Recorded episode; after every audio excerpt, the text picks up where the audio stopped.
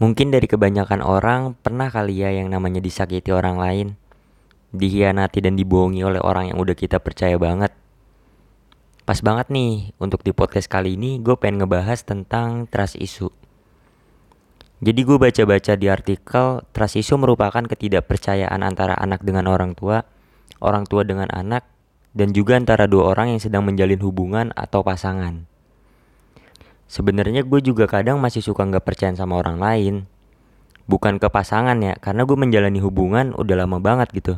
Jadi buat gue percaya sama hubungan pasangan tuh masih ada. Tapi yang gue denger-denger, trust issue tuh yang sering melibatkan ke arah hubungan pasangan gitu. Kayak misal, lu udah ngejalanin hubungan sama seseorang yang udah sampai bertahun-tahun nih.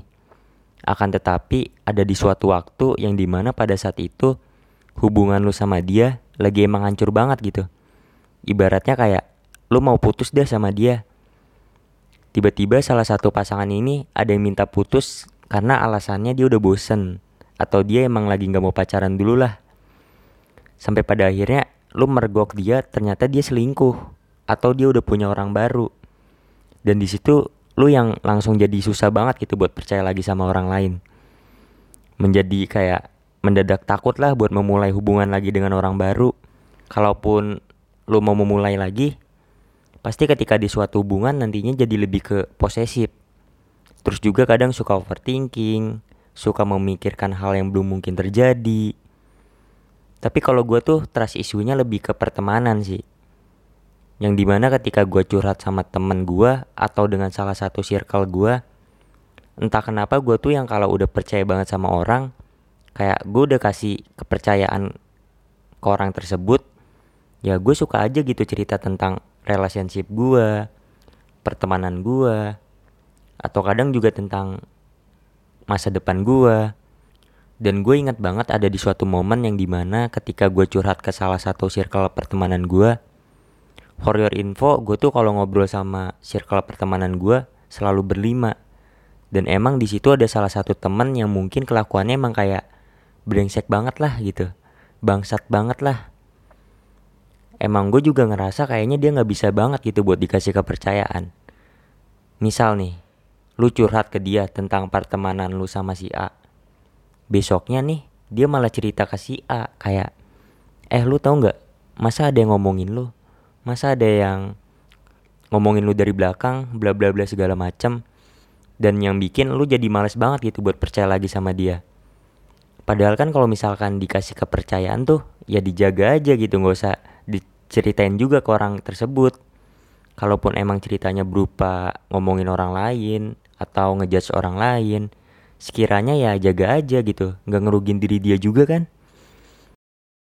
Tapi ya di satu sisi gue juga bodoh, kenapa gampang banget itu buat kasih kepercayaan gue ke orang lain. Kenapa gampang banget buat curhat atau cerita apa pun ke orang lain dan gue juga merasakan dampaknya kayak gue jadi ngerasa susah banget buat percaya lagi sama orang lain. Susah banget untuk curhat lagi sama orang lain. Suka ngerasa punya pandangan buruk lah terhadap orang lain. Tapi seiring berjalannya waktu gue meyakinkan diri gue sendiri untuk tetap percaya lagi terhadap orang lain mau siapa pun itu orangnya. Wajar banget buat gue untuk marah sedih dan membuat gue jadi tidak percaya lagi gitu sama orang lain tapi sekali lagi, yang namanya peristiwa sudah terjadi nggak bakalan bisa diulangi lagi kan? Mau terus-terusan marah atau benci sama orang yang membuat diri menjadi trasisu juga nggak baik juga gitu buat diri gue sendiri. Memang pada akhirnya ya harus diikhlaskan. Harus banget untuk menerima kesesalan yang dirasakan kayak Oke, okay, mungkin lain kali gue harus lebih mengantisipasi diri gue untuk tidak sembarang kasih kepercayaan terhadap orang lain Ibaratnya kayak gue harus bisa untuk belajar dari pengalaman tersebut, menjadikan kesalahan yang telah diperbuat sebagai sarana untuk introspeksi diri dan evaluasi diri. Memang berat sih, tapi ini adalah suatu hal yang harus banget untuk dilakukan gitu.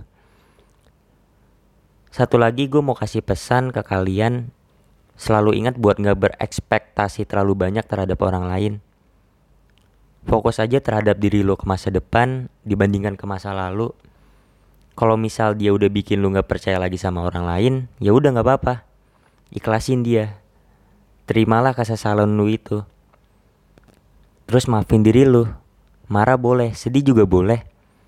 Tapi ingat, jangan sampai berlarut-larut ya. Semangat terus orang-orang baik.